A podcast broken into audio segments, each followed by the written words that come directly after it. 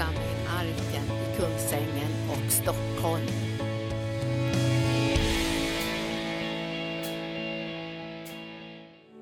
Ja, vi tackar dig Herre för din närvaro. Vi tackar dig för att du är vårt liv Jesus. Du är vårt skydd, vårt beskydd i alla livets olika omständigheter. Vi tackar dig Herre för din närvaro och din kärlek. Tack för din nåd. Tack för befrielse och helande och upprättelse. Tack för att allt finns i dig Jesus Kristus. Och vi tackar dig Fader för att du är här den här kvällen, för att uppenbara ditt ord, för att uppenbara din kärlek, så att vi får lära känna den kärleken och sätta tro till din kärlek mer och mer.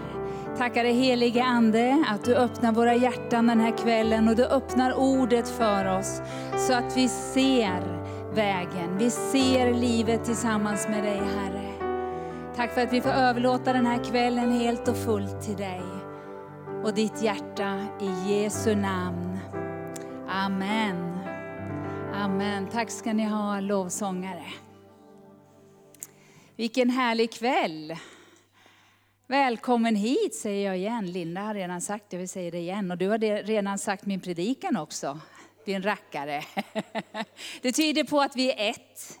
Vi är en själ och, och ett hjärta. Hon sammanfattade faktiskt min predikan här i, inledningen. Se där. Så nu fick ni förrätten, nu ska ni få huvudrätt och, och efterrätt och allt däremellan. Får se om det blir en sjurättersmiddag. Tror inte det kanske. Ja, det tror Camilla det. Ja. Den som hungrar efter mycket får mycket.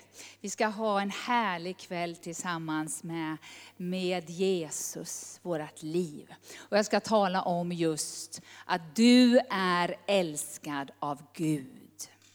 Hör de här orden, öppna ditt hjärta för de här orden. Du är älskad av Gud. Säg dem, jag är älskad av Gud. Underbara livsförvandlande ord. Och vi ska ju ge något av det här som, som våra, vårt bästa under den här veckan. Och något av det som, som vi har mycket i oss och som vi Eh, särskilt har fått eh, en kallelse att tala om. Och jag talar om Guds kärlek oerhört mycket i bibelskolan. Och så tänkte jag att ikväll ska jag, ska jag välja det här ämnet. Eller det kändes som att den helige ande valde det här ämnet. Att vi är älskade av Gud. Och vi ska fortsätta i första Johannes. Linda hon läste ifrån 3 och 1 och jag ska läsa ifrån eh, Johannes första brev kapitel 4, vers 7. Mina älskade, låt oss älska varandra, ty kärleken är av Gud och var och en som älskar är född av Gud och känner Gud. Den som inte älskar har inte lärt känna Gud, ty Gud är kärlek. Så uppenbarades Guds kärlek till oss, att han sände sin enfödde son till världen för att vi skulle leva genom honom. Kärleken består inte i att vi har älskat Gud, utan i att han har älskat oss och sänt sin son till försoning för våra synder. Och så går jag till vers 16. Och vi har lärt känna den kärlek som Gud har till oss och vi tror på den. Den är inte bara given, utan vi ska också lära känna den, det som också står i Efesierbrevet 3. Att få lära känna höjden, bredden, djupen och längden av hans kärlek. Och vi ska sätta tro till den. Vi ska tro på att den här kärleken är verklig och att den är verksam. Gud är kärlek och den som förblir i kärleken förblir i Gud och Gud förblir i honom. Och vers 19, vi älskar Därför att han först har älskat oss. Den första kärleken. Den första kärleken. Det kan man tala om på olika sätt. Man kan tala om den eh, utifrån att det var han som först älskade oss. Men man kan också tala om den utifrån det här första kärleksmötet. Jag hade ett otroligt starkt radikalt kärleksmöte med Jesus den 23 april 1993. Och när jag tog emot Jesus så var klockan kring 10.58.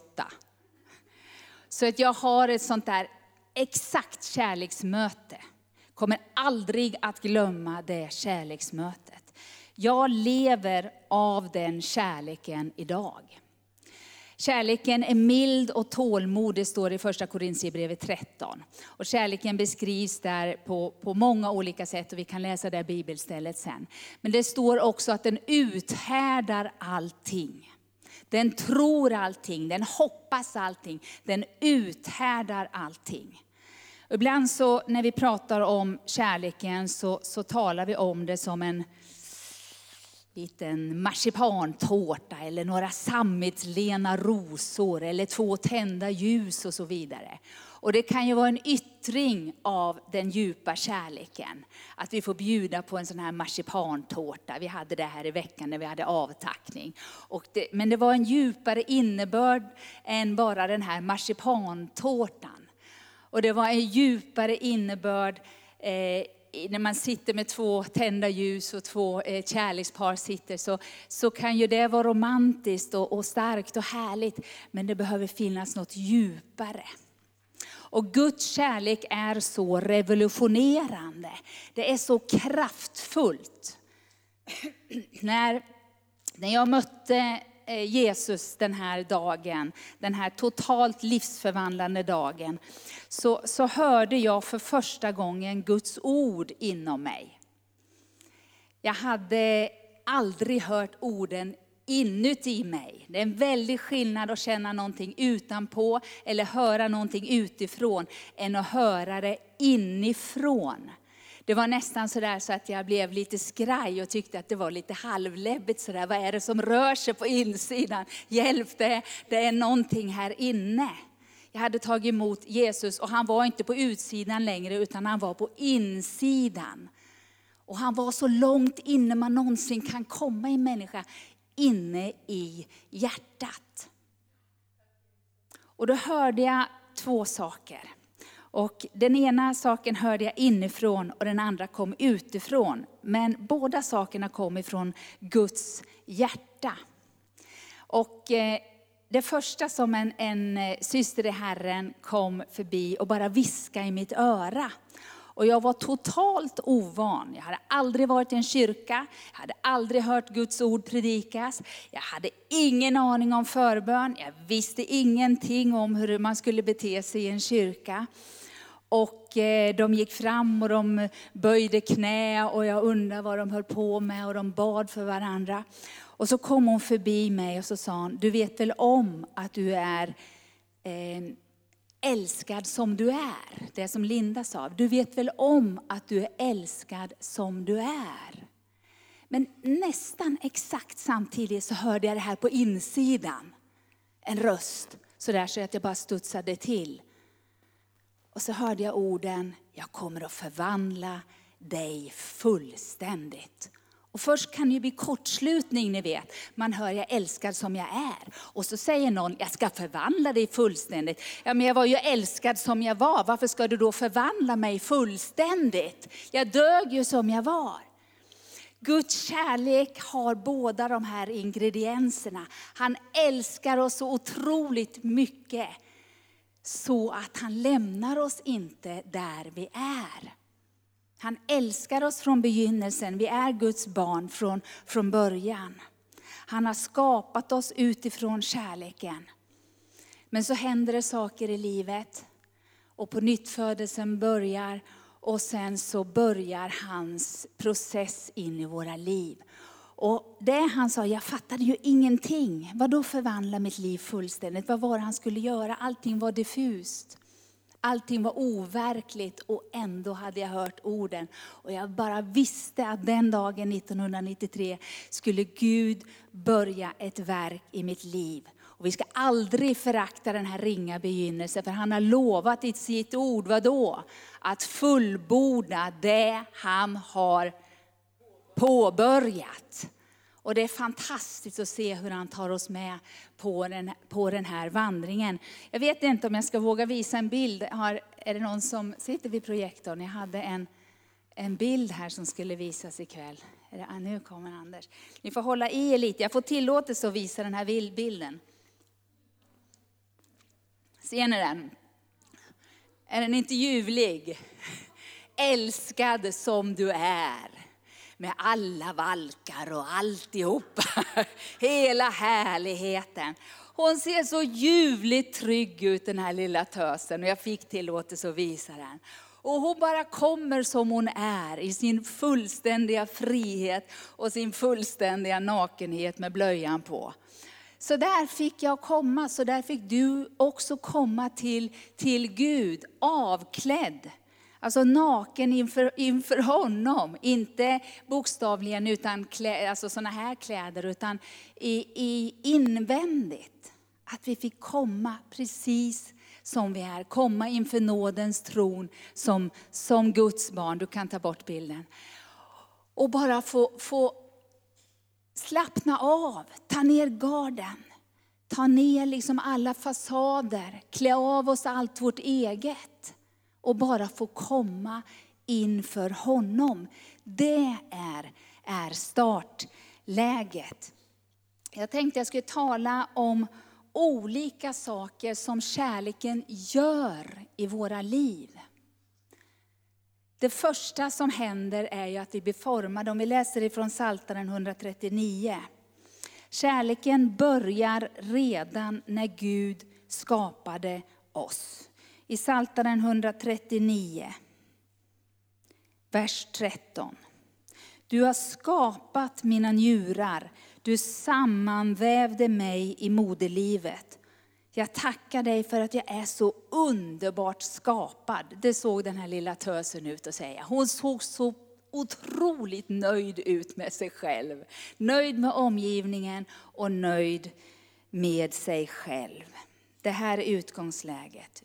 Ja, underbara är dina verk och min själ vet det så väl. Benen i min kropp var ej osynliga för dig när jag formades i det fördolda, när jag bildades i jordens djup. Dina ögon såg mig när jag ännu var ett outvecklat foster. Och alla mina dagar blev skrivna i din bok. De var bestämda innan någon av dem hade kommit. Hur outgrundliga är inte för mig dina tankar, Gud. Hur stor är inte deras mångfald. Och så kan man läsa, läsa vidare, hela Saltaren 139 är, är helt ljuvlig. Kär, Guds kärlek börjar när han skapar ett barn i moderlivet, när han skapade dig och mig. Det är därför varje liv är så dyrbart och det är därför vi värnar om livet. Det är därför vi gör allt vad vi kan för att rädda liv.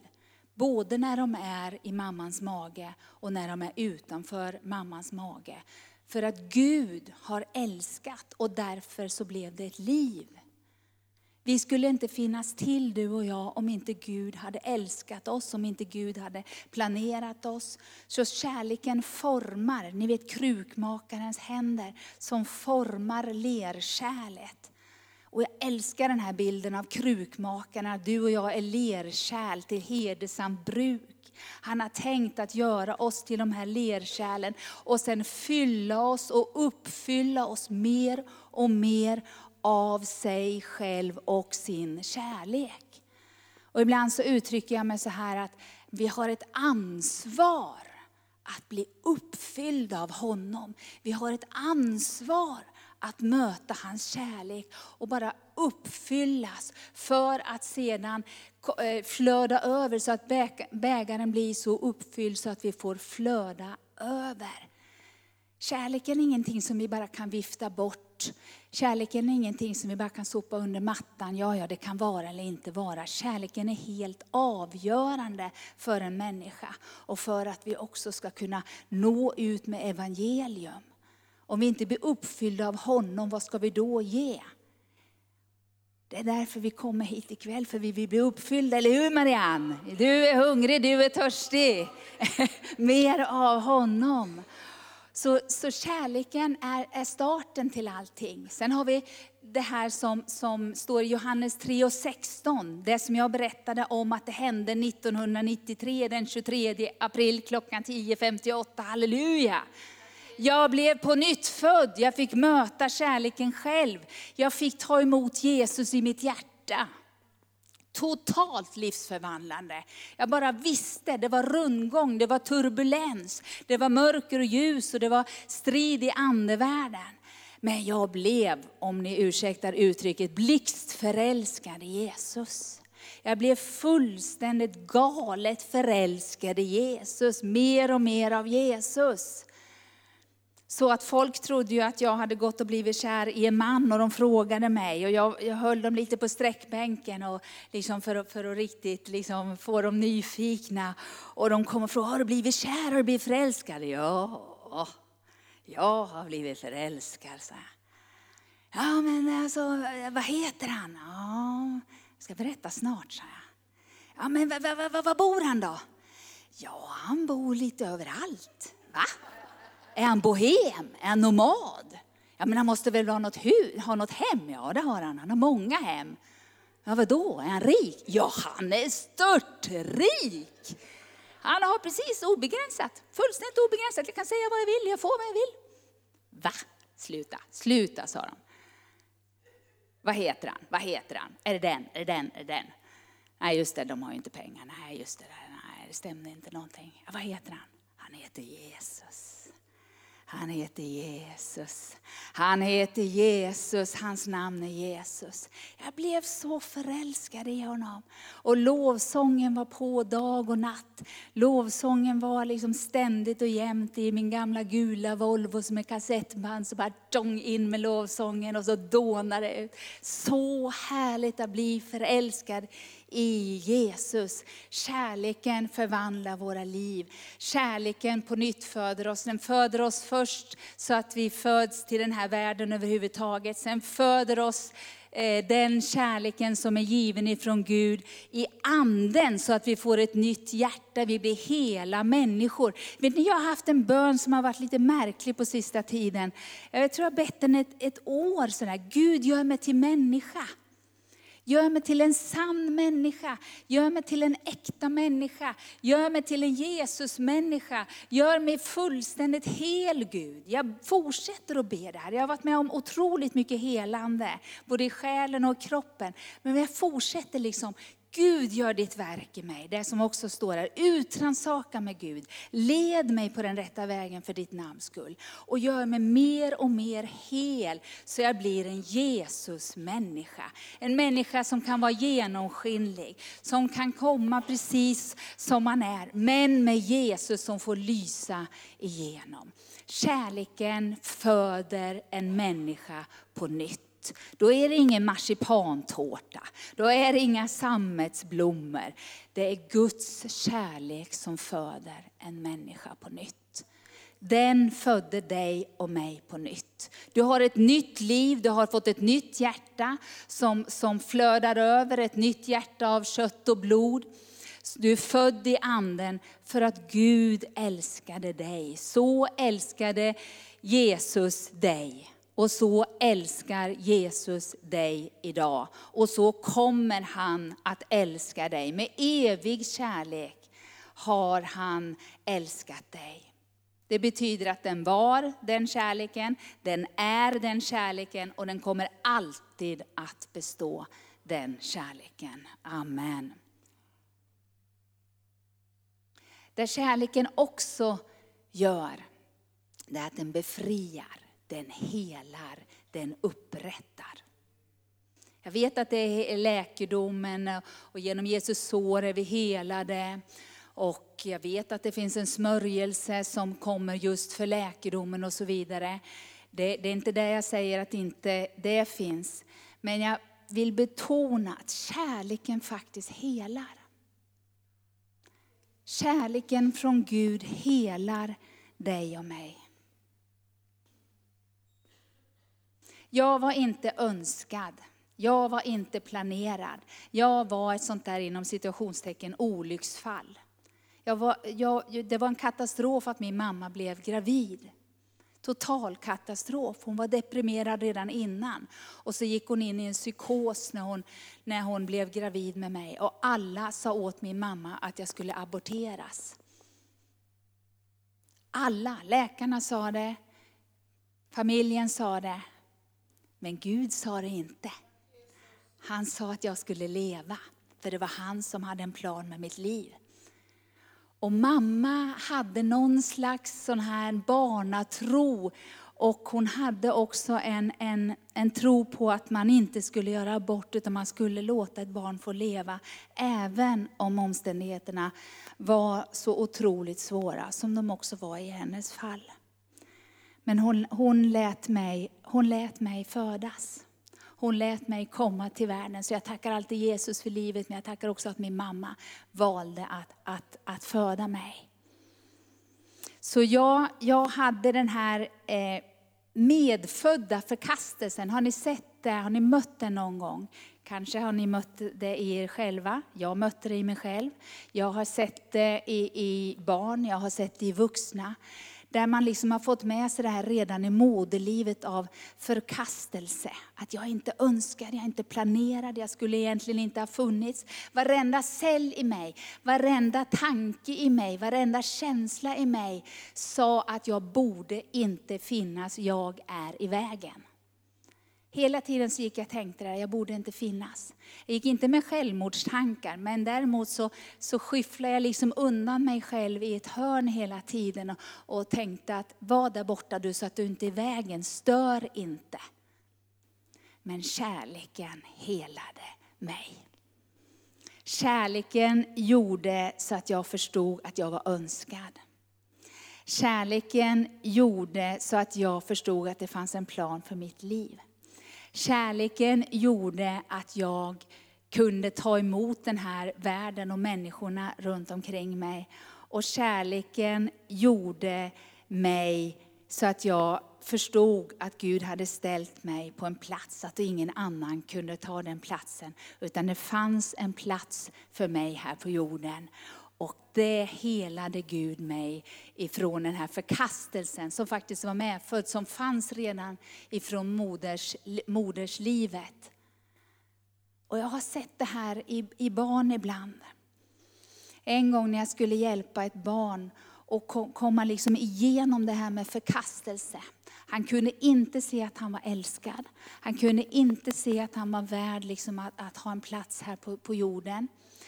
Då tog jag de här orden som vi läste ifrån Psaltaren 139. Jag tackar dig min Gud för att jag är så övermåttan underbart skapad. Och så sa jag till, till det här barnet att du, du ska tacka Gud, du ska be den här bönen och så ska du börja tacka för att du är underbar. För att du är älskad och för att Gud har skapat dig så här fantastiskt. Och det satt så djupt inne, det satt så fruktansvärt djupt inne med den här förkastelsen. Han kunde inte säga orden. Ja men vi börjar, vi försöker sa jag. Jag hjälper dig på vägen. Vi säger det samtidigt, jag kan säga det före, jag kan säga det samtidigt.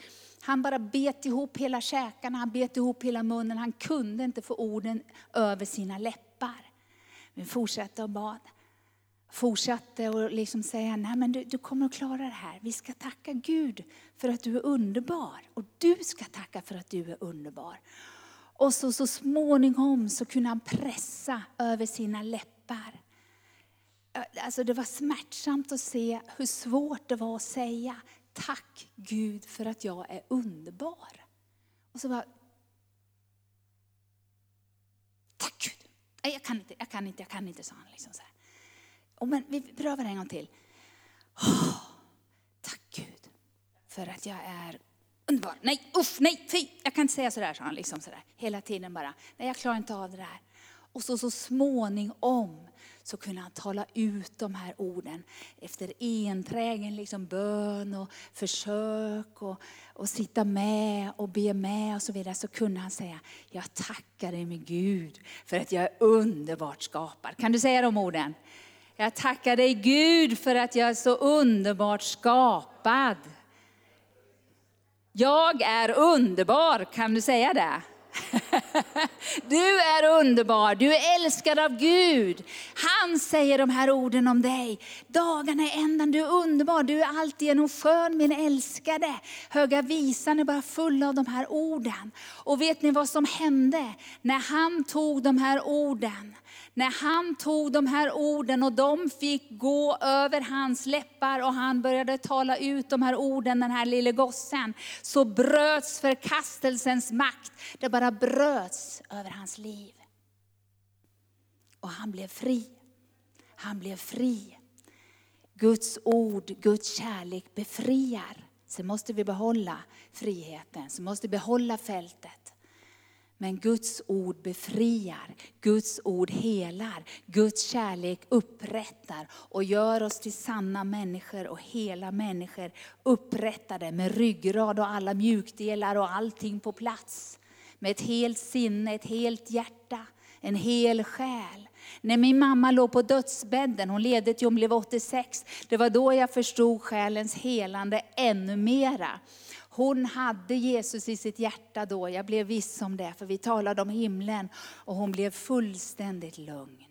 Så fort jag talade om himlen, jag fick sitta med henne de sista tre dagarna, både en förmån men också fasansfullt jobbigt. För hon hade ett fruktansvärt svårt liv bakom sig. 18 barn var de i familjen i fattigaste Småland. Hon föddes 1917. Hon blev utslängd när hon var 13 år. Fick bo hos en bonde och blev våldtagen. Och hon hade cancer tre gånger. Hon försökte ta livet av sig tre gånger. Hon hade gått igenom så otroligt mycket, min älskade fina mamma. Och på dödsbädden så hade hon en sån ångest. En sån ångest som jag aldrig kommer att glömma. Jag sörjde min mamma fast hon var gammal, men jag sörjde inte så mycket att hon var, var borta, även om jag saknade henne. Jag sörjde att hon inte hade fått ta emot själens helande att hon inte hade fått ta emot Guds kärlek tidigare, för det hade helat henne. Den ångesten, den, den, den, den vi, alltså allt det här vidriga, hon vrålade ut, det var avgrundsvrål. Men så tog jag hennes hand så här. Mamma, Jesus är här. Mamma, du ska till himlen. Himlen är här nu. Jesus är här nu. Jesus älskar dig. Jesus är med dig. Och så talade jag om Guds kärlek och så blev hon fullständigt lugn. Och så kom hon tillbaks till ångesten och paniken och gick igenom hela sitt liv. Och så var det dags igen att tala om himlen och tala om Guds kärlek. Guds kärlek helar och upprättar, befriar, helar och upprättar. Det är ingen mjäkig marsipantårta. Jag kommer tillbaks till de där sammetsrosorna och tända ljus. Det är en kraft Guds kärlek har en otrolig kraft att resa en människa uppifrån dyn till en hel Jesus-människa. Guds kärlek helar våra själar, våra hjärtan. Guds kärlek kan hela våra tankar. Jag har sett hur Guds kärlek har helat en tjej som hade Aspergers syndrom. Hur han gjorde i ordning liksom, eh, hjärnkopplingarna, eh, celler och allt vad det kan heta där uppe i hjärnkontoret. Jag såg hur hon fick empati, hon hade ingen empati. Hon slog sin omgivning blodig och fick raseriutbrott i timmar. Men hon blev helad genom Guds kärlek. Hon blev upprättad genom Guds kärlek. Jag har sett det på så många människor och jag har sett det i, i mitt eget liv. Guds kärlek leder dig framåt. Vi läser ifrån andra Korinthierbrevet 5 och 14.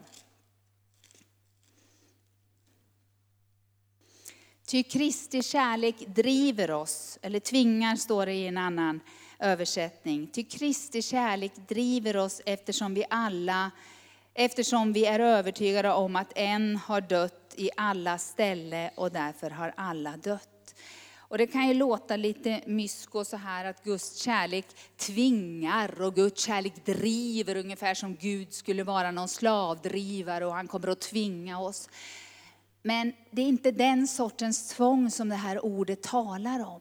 Utan det är det här att det, om man har mött Guds kärlek så är det som ett invändigt tvång. Att liksom, förstår ni mig rätt?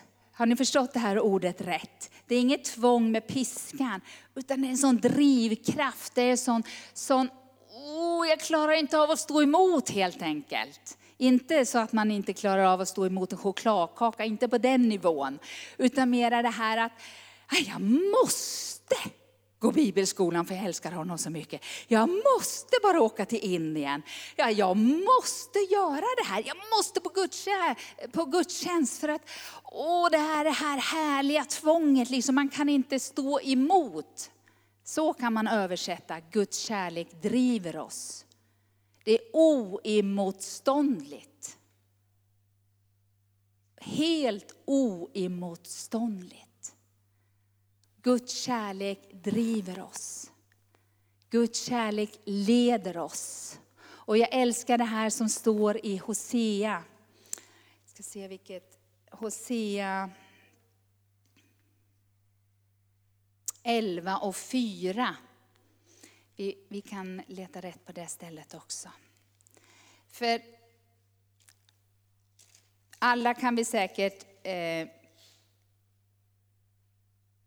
beskriva det här på olika sätt, hur Gud har lett oss. Men det här är ett sätt som jag har uppfattat att Gud leder mig väldigt mycket på. Hosea 11 och 4. Med lena band drog jag dem, med kärlekens band. Jag var för dem lik en man som lättar oket över deras nackar och jag böjde mig ner till dem och gav dem mat. Med kärlekslena band leder han oss. Han knuffar oss inte framåt. Han föser oss inte framåt i en fårskock, liksom fram med er nu fårskallar, nu ska vi fram här, nu ska vi göra ännu mera. Nu går man här liksom och slår med piskan eh, runt omkring, utan med kärlekslena band leder han oss. Kärleken leder oss vidare. Och det var det han menade den här dagen 1993 när han sa att jag ska förvandla ditt liv fullständigt. Han lät mig inte stanna i min ångest. Han lät mig inte stanna i förkastelse. Han lät mig inte stanna i fruktan. Han lät mig inte stanna Eh, kvar i hopplöshet och dåligt självförtroende och allt vad det var som, som jag hade på den tiden. Han lät mig inte förbli, utan han gjorde precis det som han sa, jag ska förvandla dig fullständigt. Jag ska resa dig upp och jag ska hela dig och jag ska upprätta dig och jag ska leda dig vidare också in i den tjänst och det som jag har kallat dig att göra på den här jorden. Kärleken leder oss också in i kallelsen. Kärleken driver oss in i det som vi också gör. Det börjar inte med våra händer, det börjar med våra hjärtan. Framförallt det som ska bevaras så är det våra hjärtan. För därifrån ska det komma liv. Kärleken har drivit mig in i de här olika delarna. Kärlekens lena band har, som jag säger ibland, lurat mig. Gud har lurat mig så många gånger. Kärleken har lurat mig in i tv-arbetet Linda, och du också för den delen. Du var hans redskap när du sa till tar av mig de här. Eh, när du sa till Torbjörn den här dagen, ring till Birgitta och fråga om vi kan spela in på, på torsdag in i Stockholm. Och jag bara svarade ja, jag blev grundlurad. Tack Jesus, han är bra på att luras.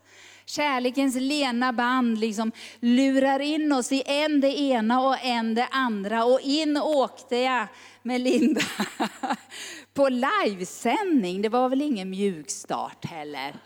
En timmes livesändning och vi skrattar så vi kiknar när vi ser på den här första eh, första inspelningen. Linda hon var i bild och så sa hon att Birgitta Södergren, som jag hette på den tiden, ska intervjua mig. Det brukar ju vara så att programledaren säger det.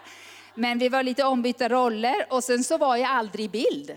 Jag kom aldrig i bild, så du vet man sitter och tittar på tv, liksom. man tittar bakom tvn, kommer hon inte snart? Liksom. Ja, så småningom, kanske efter jag vet inte hur lång tid det var, så kom jag i bild.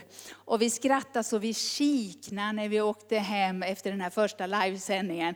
Vi satt på pendeltåget för vi åkte in, jag gick trean och det här var, var starten på, på trean. Och, eh, eller var det tvåan? Nej, jag kommer inte ihåg, tvåan eller trean var det. Och så skrattade vi så var så fulla i anden så vi glömde att kliva av tåget och kom till ändstationen och låg dubbelvikta fyllda av Guds ande. Gud hade grundlurat mig fullständigt. Och vad var det här? Och efteråt så tänkte jag så här, jag var ju på TV. Alltså jag är ju livrädd för teknik, jag är ju livrädd för att synas, jag är ju livrädd för att, jag slapp ju synas lite i början där, så var jag, det var bra kanske. Och så var jag livrädd för teknik. Hur fick han in mig i det här? Och ännu värre blev det, för till jul efter en termin, vi hade åkt in tror jag, september, oktober, november, december. Och så i december så tänkte jag, ja äntligen jullov, tänker man som bibelelev då. Då sa ju Linda så här, nej men nu Birgitta är det jullov, då kan du passa på att bygga en tv-studio.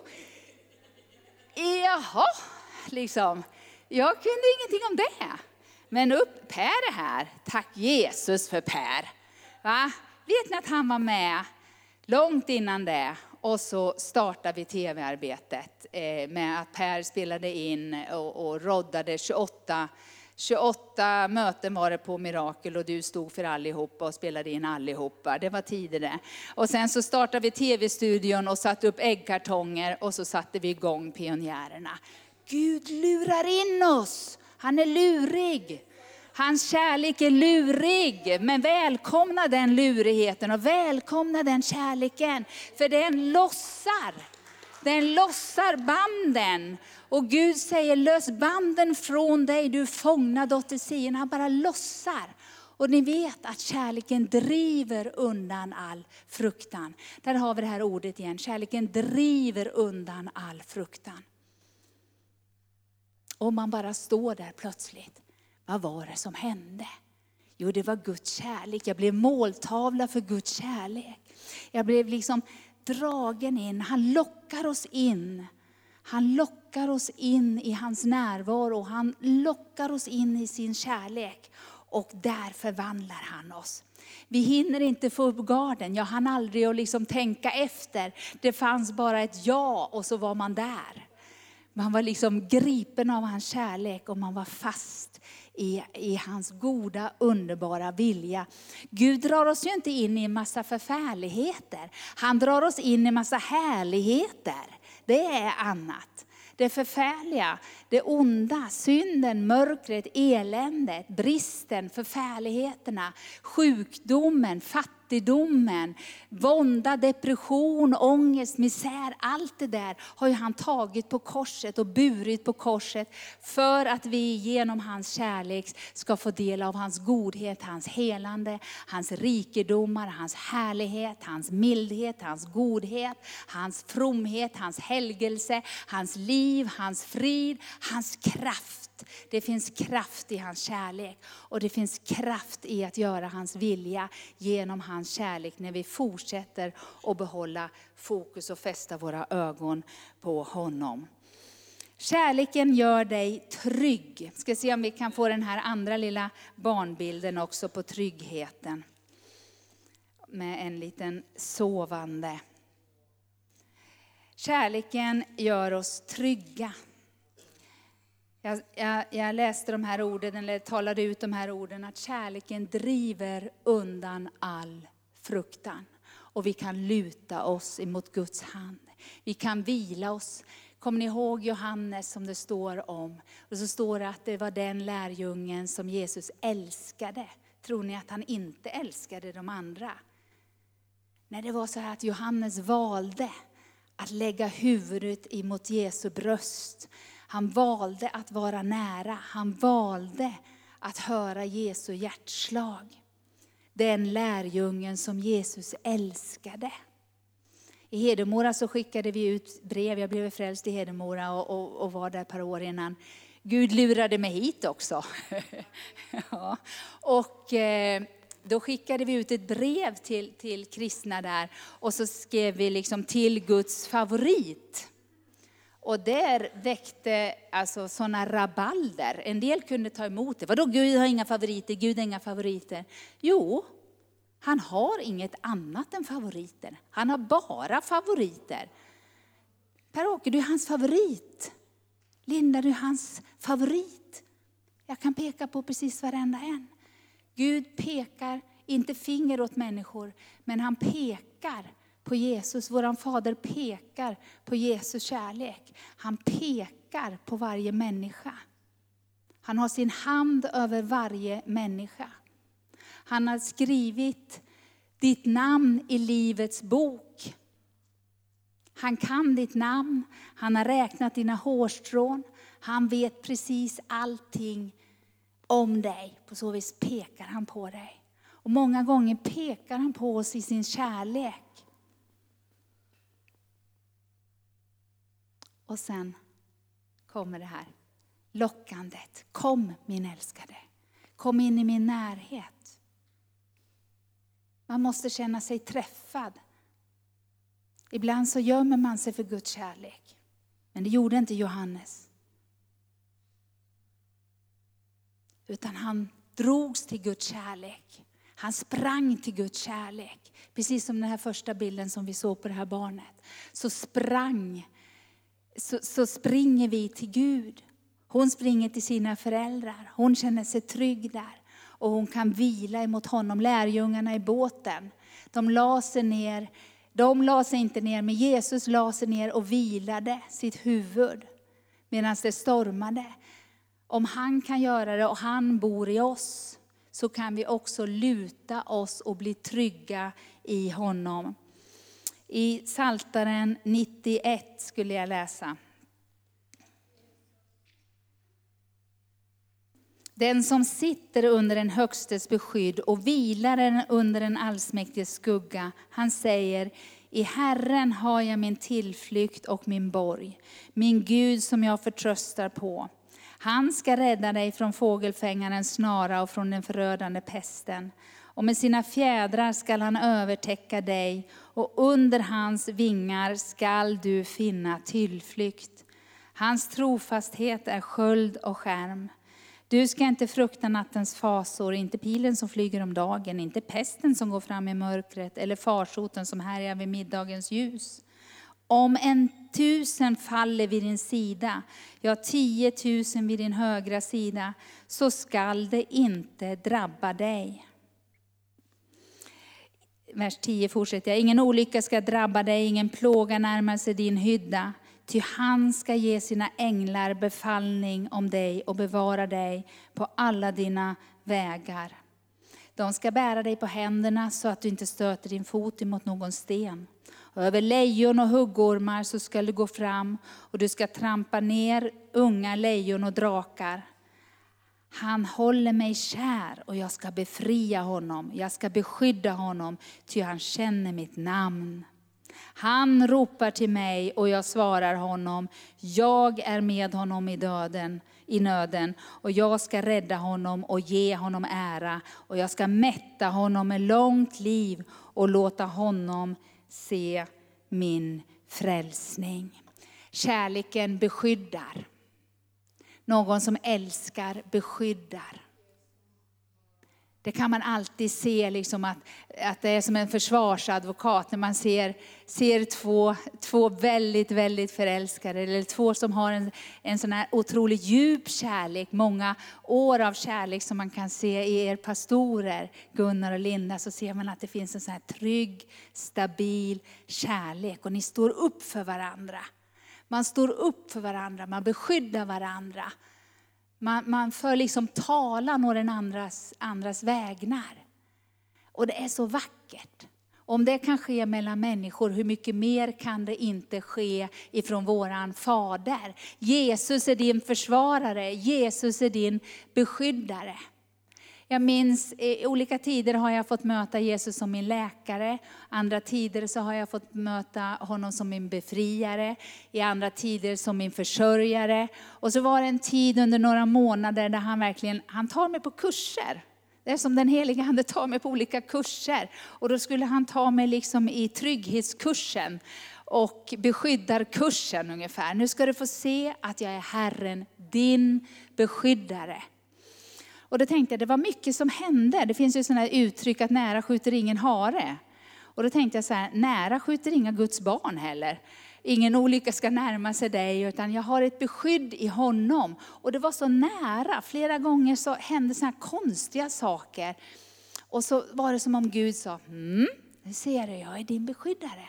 Jag är med dig alla dagar. Ingenting kan skilja dig från min kärlek. Och det var kärleken som beskyddade mig. Hans kärlek, hans ögon, liksom ö, hans ögon överför hela jorden och hans ögon också, vi är måltavla för hans ögon. Han ser oss, vi är hans ögonstenar. Han plockar ut oss och han tittar på oss med sin kärlek och så beskyddar han oss. Jag var med på väg upp till vårdcentralen och, och så körde jag bil förstås. Eller förstås, jag körde bil. Och så eh, plötsligt utan någon förvarning så flög bilen plötsligt upp på hela trottoaren. Och jag hade inte hängt med, jag visste inte vad som hände. Och jag tittade mig om liksom, och så såg jag en bil som hade kört in i vårdcentralen. Men jag såg ingen chaufför. Och det var inte på den tiden. Nu skulle man kunna tänka att tekniken har kommit så långt så att en del bilar kör utan chaufför, men det var inte så då. Och så sprang jag ut, alltså vad var som hände? Hela bilen var liksom demolerad på sidan här. Och sen ingen chaufför i bilen som stod mot vårdcentralen. Men så uppför backen där då, så såg jag två små gossar. De arma gossarna, då fick jag nåd. De hade lånat sin pappas bil och glömt att dragit i handbromsen och ställt den där. De hade lånat den utan att be om lov tror jag. Oh, oh, oh, oh, vad jag kände med dem. Och samtidigt så tackar jag Gud då sa Gud, jag är din beskyddare. Det var nära. Det kunde lika gärna kört rakt in i min sida. Men det gjorde det inte. Och så var det där en ganska lång historia, de fick följa med hem och jag, det var försäkringsgrejer hit och dit. Men det var nära. Men djävulen kom inte åt mig för att jag var i Jesus Kristus. Vi var i Israel, kommer du ihåg det Linda? Du var, var med den jag har faktiskt kvar en sån här, man kan göra minnesstenar och jag har kvar en fysisk sten. Vi var på en av, av resorna till Israel, jag tror det var med Duveskogs vi reste då. Ja, det var det. Och så gick jag ut på balkongen, jag delade rum med någon syster från någon annan del av Sverige. Och så hade vi gjort oss rena och duschat och gjort oss fina till kvällsmötet. Vi Skulle ha ett helande möte och så gick jag ut på balkongen och samma sak var det då. Bara plötsligt så vart jag dyngsur och så small det till. Och jag hade precis, det var i Jerusalem, och så hade jag gått ut på balkongen och så tänkte jag nu ska jag göra det här så lyfte jag mina händer över Jerusalem så jag välsignar dig Jerusalem. Poff sa det bara, dyngsur. Och så small det till och jag bara flög in och undrade vad som hade hänt. Nära träffar inga Guds barn.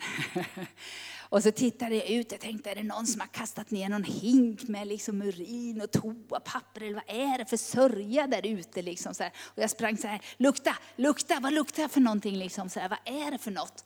Och så in i duschen igen och gjorde mig i ordning. Och så dagen efter, jag sa ingenting till, till Göran Duveskog då på kvällen för att jag var mest glad liksom att jag hade hunnit att bli i ordning och torkad och sådär. Så dagen efter så gick jag ut, då var det en sån här stor sten som hade ramlat precis vid mitt huvud. Och jag tog med den här stenen hemifrån Jerusalem som ett minne att Gud är min beskyddare. Du är älskad av Gud. Du är beskyddad av Gud. Du är helad, upprättad en gång för alla genom det Jesus gjorde på korset. Genom hans kärlek. Men vi intar det här. Han tar oss ibland på de här pedagogiska kurserna, de där liksom lärovandringarna, där tar oss i handen och så säger han så här, nu ska vi gå en sträcka här Birgitta. Nu ska vi gå en sträcka här Tony. Nu ska vi gå en sträcka här Linda. Nu ska vi gå här en sträcka Marianne. Och så går han med oss och så lär han oss. Hur vi genom hans kärlek kan bli försörjda. Hur vi genom hans kärlek kan, kan, kan svara ja till de här sakerna som vi känner att det här klarar jag inte av. Utan jag är alldeles livrädd. Och då kommer Guds kärlek och bara driver undan. Det är kraft i den kärleken.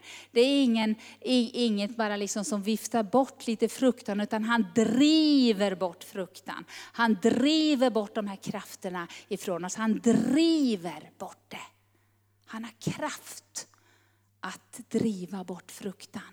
Han har kraft att hela oss. Och han har kraft att förvandla oss till precis det som han har tänkt att vi ska bli. Gud är inte färdig med mig, Gud är inte färdig med dig. Och ibland så kan man ju säga det här lite tufft sådär, jag är inte färdig med dig än, liksom sådär vid ett slagsmål. Men han säger ju inte på det viset. Jag har påbörjat ett gott verk i dig och jag ska fullborda det så att det blir ett färdigt verk. Du ska bli ett färdigt verk. Och när jag såg min mamma den där, de där dagarna då som jag berättade om här så tänkte jag, åh, jag vill ha själens helande redan här och nu. Jag vill inte ha det bara i himlen. Det är gott och det är härligt att allt blir fullkomligt. Men tänk att himmelriket är här nu. Jesus är här nu. Ska ni gå upp lovsångare? Jesus är här nu. Redan här och nu, redan här i jordelivet, så kan han göra det här verket när han tar oss ifrån från början ända till slutet. Och jag älskar den här titeln på, på pastor Lindas bok, att låt inte det förflutna stjäla din framtid. Utan varje gång som vi tar emot ifrån Herren, så, ta, så intar vi våran framtid. När Gud tar itu med det förflutna, så tar han itu med det förflutna, men han tar lika mycket itu med framtiden. Ser ni det?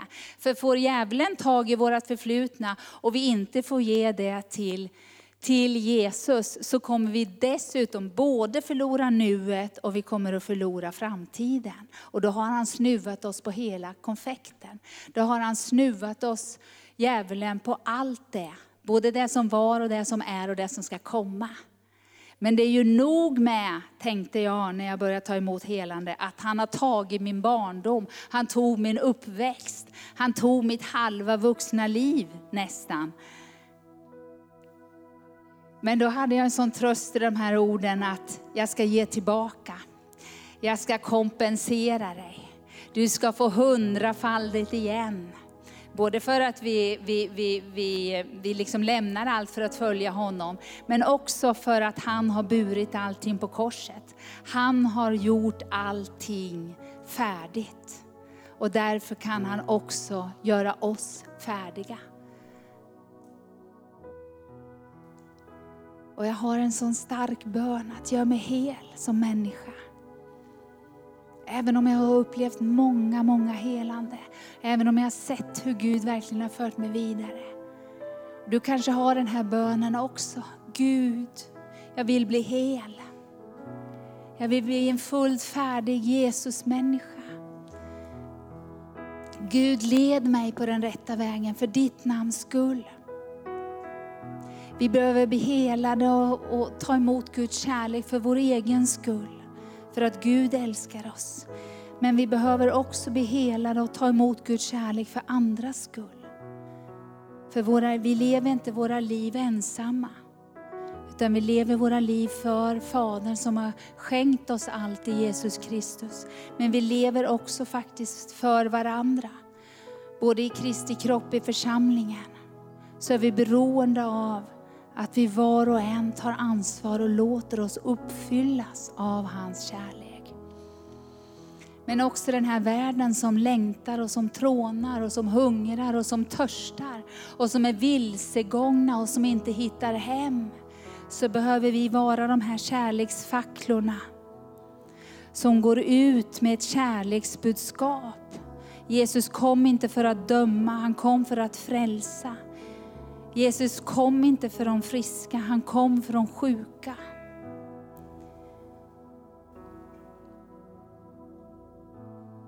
Vi tackar dig Herre för att du har burit all förkastelse. Du har burit all hopplöshet. Du har burit all fruktan på korset. Du har burit all ensamhet på korset. Och din kärlek är allt annat än ensamhet. I din kärlek har vi gemenskap med dig. I din kärlek och genom din kärlek har vi hittat hem. För när du sände Jesus och Jesus kom in i våra hjärtan och när Jesus tog våra händer så var det för att föra oss ända hem till Fadern. Och jag tackar dig Fader att vi har fått komma inför nådens tron och få vara som det här lilla barnet som vi såg på bilden. Att bara få komma precis som vi är. Få krypa upp i din famn och bli omfamnad och omhuldad och kysst på vår panna. Men Herre, du låter det inte bara förbli så. Vi ska fortsätta att leva i det barnaskapet. Men sen vill du leda oss vidare genom dina kärlekslena band. Locka oss in i allt det som du har för oss, att få tjäna dig och få, få stå upp för dig Jesus i den här världen.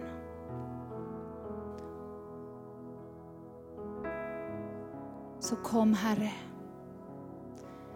Tackar dig Jesus för att jag får bara i ditt namn bryta förkastelse. Och du kanske kände igen dig i den här historien att du har fötts med förkastelse, liksom fått med dig det redan ifrån moderlivet. Och människor kan ha talat negativa ord över dig när du låg i din mammas mage. Och bara bryter makten av den förkastelsen just nu. Den här bortstötningsmekanismen som har kommit ifrån mörkrets makter. Som har försökt att stöta bort dig redan ifrån från moderlivet. I Jesu namn så bara bryter jag makten av det. I Jesu namn. I Jesu namn så bara klipper jag av banden till all de, alla de känslor av förkastelse, alla minnen av förkastelse. Bara bryter makten i Jesu namn. Och jag tackar dig Fader, att det inte finns en enda människa på den här jorden. Och det finns inte en enda människa i det här rummet som inte är älskad av dig och som inte är önskad och planerad av dig. som inte är formad av dina händer. Och du som har sagt, precis som lerkärlet eller kärlet kan säga till krukmakaren att den har misslyckats på något sätt. Så ska du bara be Herren om förlåtelse att ha talat destruktivt om dig själv. Ungefär som om Gud skulle kunna haft en dålig dag när han gjorde dig eller så. Och han inte riktigt lyckades. Jag bara bryter makten av sådana tankar just nu. Destruktiva självanklagelser, destruktiva ord. Bara ge dem till Herren just nu. Jag bara bryter udden av de här destruktiva orden som du har talat emot dig själv. Och du har liksom riktat pilar mot dig själv. Och du har sagt ord om dig själv som att jag är hopplös. Varför kan jag aldrig få till det här? Jag är ynklig, jag är dålig, jag är urusel och jag är korkad, jag är en idiot. Alla de här orden som du kanske har uttalat över dig själv, bara bryter makten över dem just nu. I Jesu namn. Och vi ber om förlåtelse just nu också om vi har talat negativt. Vi har inte talat kärleksord om oss själva. Och är du i den, känner du igen dig i, i den kategorin att du har talat så negativt om dig själv?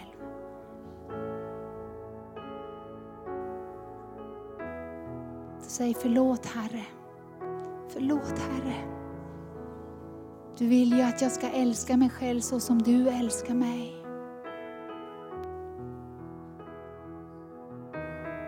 Herre, låt kärleken bara få flöda in just nu. Du har liksom sårat dig själv. Många gånger har andra sårat, men du har sårat dig själv och skadat dig själv. Kärleken kommer och flödar igenom varje sår och läker dig just nu. Självfördömelse,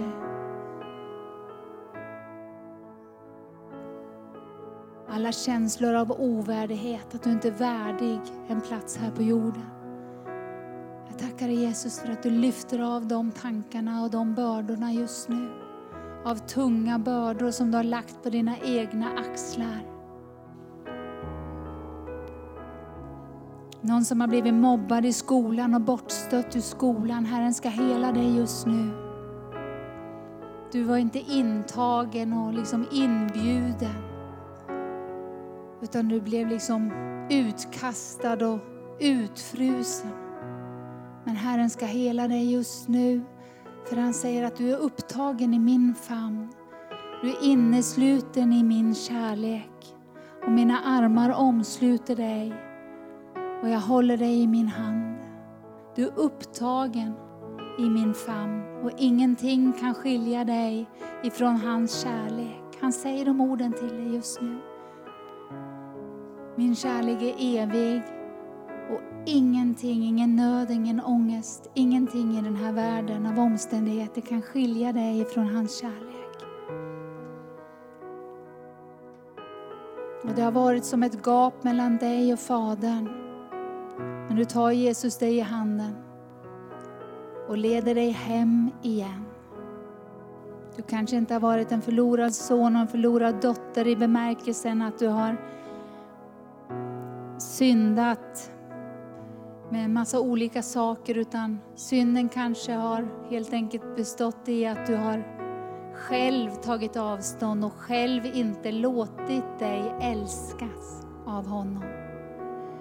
Så kom till honom just nu, precis som Johannes. Och lägg ditt huvud på Jesu bröst och hör hans hjärtslag. Hans hjärta slår för dig. Han har gett sitt liv för dig.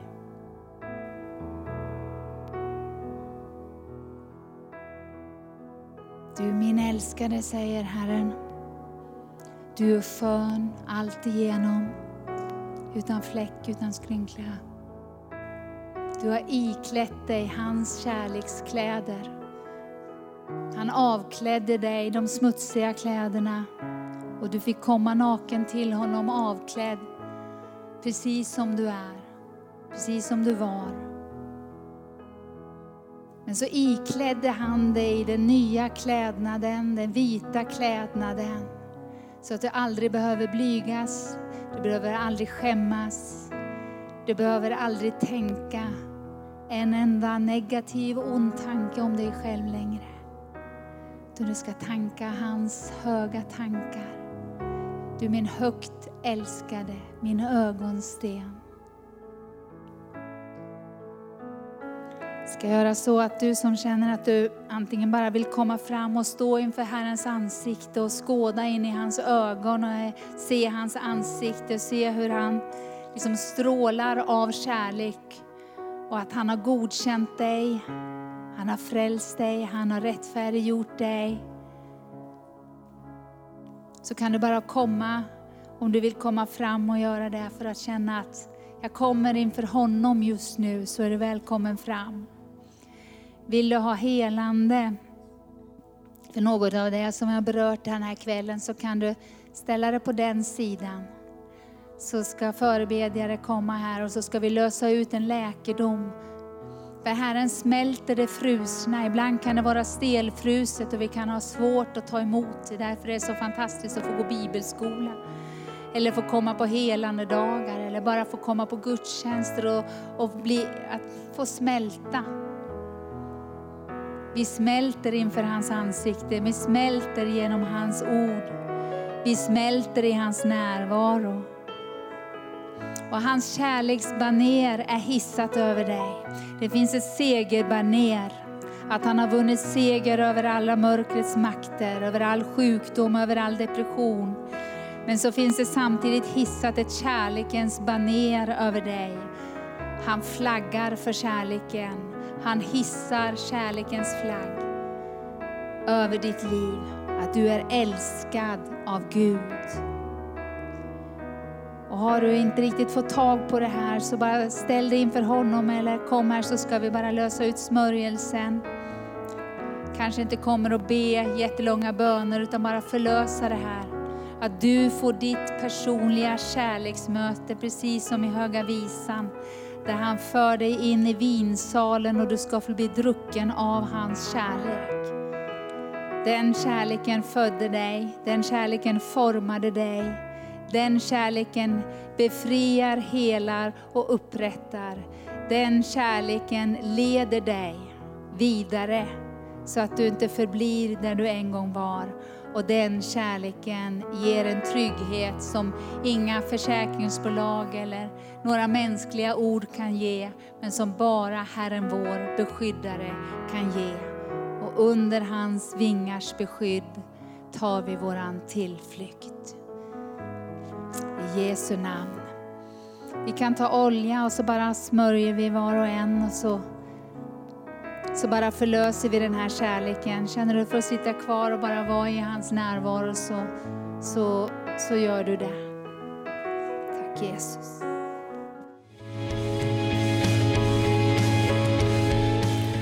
Tack för att du har lyssnat. Vill du få del av mer information om församlingen Arken, vår helande tjänst, bibelskola och övriga arbete, gå in på www.arken.org.